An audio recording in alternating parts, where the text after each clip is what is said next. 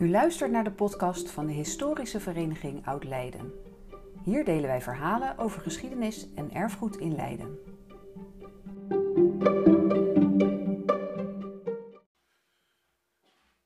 Op deze podcast het verhaal van mevrouw Cornelia Treintje Haups van Soest.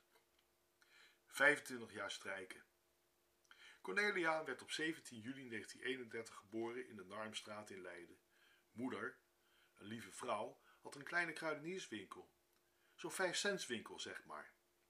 Vader was allround metselaar. Als er een huis leeg kwam dat opgeknapt moest worden, dan deed hij dat. En soms, als het een mooi ruim huis was dat te huur stond, kwam hij s'avonds thuis en zei: Saar, inpakken, we gaan verhuizen. Spiegelstraat, Morstraat, Hansenstraat. Er werd nogal eens verhuisd. Toen Cornelia negen jaar was, vertrok vader. Deze keer zonder gezin. Hij had een nieuwe vrouw gevonden.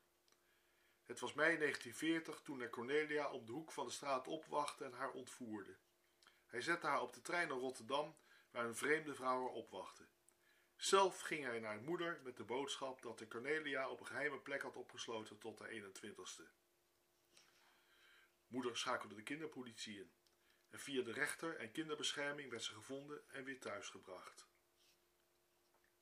In de maanden daartussen had Cornelia ook nog de bombardementen op Rotterdam meegemaakt.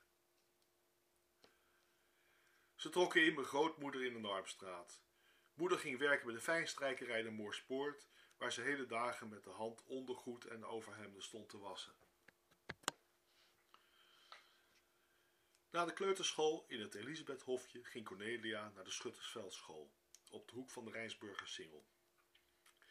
Ze ging er niet met plezier naartoe, hoewel de klasgenoten aardig waren hoor. Meester Overbos, die was gemeen. Hij sloeg met de dikke kant van de aanwijsstok op je knokkels als je iets deed wat hem niet beviel. Maar Cornelia nam wraak. Bij zijn surveillance door de klas heeft ze hem de liniaal geslagen. Ze werd de klas uitgestuurd, maar was zeer tevreden over haar daad. Meester Van Iterson was ook al gemeen. Hij trok je hoofd achterover aan een pluk haar. Maar het hoofd van de school, meester Voorwinde, dat was een schat. Cornelia was twaalf jaar toen ze op school kwam en moest gaan werken als schoonmaakster. De werkhuizen verschilden nogal. Bij één familie bofte ze. Ze leerde na haar werk patroon tekenen en naaien van de aardige vrouw des huizes die coupeuse was. Daar is ze altijd dankbaar voor gebleven. Maar er was ook een werkgeefster die ochtends om acht uur vanuit haar bed commandeerde dat Cornelia de kinderen moest verzorgen en naar school brengen. De druppel die de emmer deed overlopen was de opdracht dat ze opgekookte was uit het hete sop moest halen. Cornelia weigerde, waarop de vrouw riep: Dan is daar het gat van de deur. De groeten, dag, zei Cornelia. En de volgende dag had ze alweer een nieuw huis.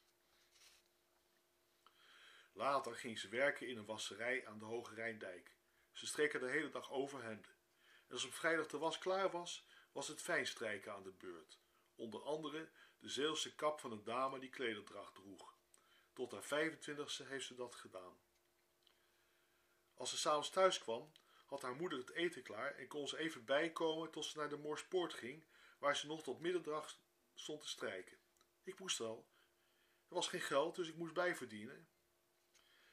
Haar hoogste inkomen was 7 gulden 50 per week bij de wasserij. In haar schaarse vrije tijd ging ze zwemmen bij de watervrienden in de overdekte op de Haarlemmerstraat. Korfballen deed ze ook op zondagmorgen bij de Algemene in de Leidse Hout en gimmen. Achter het academisch ziekenhuis was een volkstuin, waar de familie groenten, aardappelen en fruit verbouwde. Ernaast stonden verbrandingsovens waar medisch afval werd verbrand. De rook daarvan walmde over de groenten. Maar we hebben er nooit last van gehad. Nee, ik ben ermee groot gekomen, zegt Cornelia. Cornelia werkte mee in de tuin, maar plukte ook bloemetjes waar ze boeketjes van maakte voor haar tantes. Dat de bloesems waren van de doppert en tuinbonen werd er achteraf pas duidelijk. De opbrengst van de volkstuin kwam vooral van pas in de oorlog, hoewel Cornelia zich wel herinnert dat ze in de hongerwinter met een sleetje naar de Haarlemmermeer liep, voor een half kooltje. Je hoopte dan dat je onderweg bij een boer iets te krijgen had. Dan kon je snel weer terug. Op de eerste binnenvestgracht was een gaarkeuken, waar je in de rij moest staan voor een paar scheppen eten. werd gevochten om de laatste restjes uit de ketels te kunnen likken. Aan de bevrijdingsfeesten heeft Cornelia leukere herinneringen. Ze liep mee de optocht, er werd gedanst en van een buurvrouw leerde ze Engelse liedjes. Ook de 3 oktoberfeesten waren mooi. Met de sportvereniging nam ze deel de tap toe op de avond van 2 oktober. En de volgende dag vroeg op naar de reveille in het Van der Werfpark en dan de kermis op het Schuttersveld, waar sintels uit de gasfabriek over de vaak sompige grond werden gestrooid om droog te kunnen lopen. Cornelia kreeg dan een stuiver of een kwartje om in een zweefmolen te gaan, of in de rups. Prachtig was dat. En moeder kookte hutspot. Heerlijk. Alleen die klapstuk, die was niet lekker. Cornelia leerde haar man kennen toen ze twaalf was. Voor de deur, in de kooi, waar jongens en meisjes samen voetbalden en korfbalden. Op haar achttiende verloofde ze zich op eerste kerstdag, zoals dat gebruikelijk was. Geld was er niet, zodat ze pas na zeven jaar sparen konden trouwen. Maar die trouwdag was een feest, compleet met een zelfgemaakte bruidsjapon, een sluiertje en de boeketstaaf van notis. Jammer genoeg niet in koetsjes, want de bruidegom was niet van plan tegen de reet van die knollen aan te kijken. Het echtpaar ging in de Borneo-straat wonen, in de voorkamer van schoonmoeder Haups. Een pretje was dat niet. Als ze bezoek hadden, moesten van die moeder de schuifdeur op een kier zetten, zodat ze mee kon luisteren. Anderhalf jaar duurde die situatie. Intussen werkte Cornelia nog bij de wasserij als strijkster.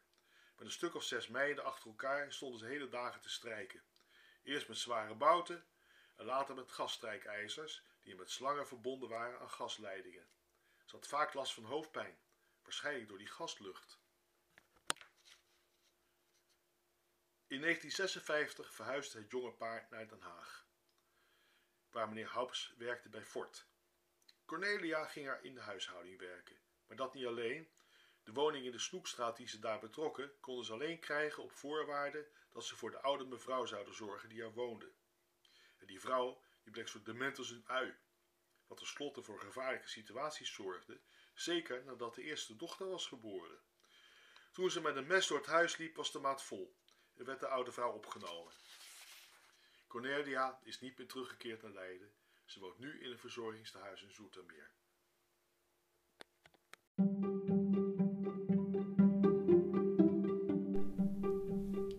Dit verhaal is opgetekend door de commissie De Stem van Leiden.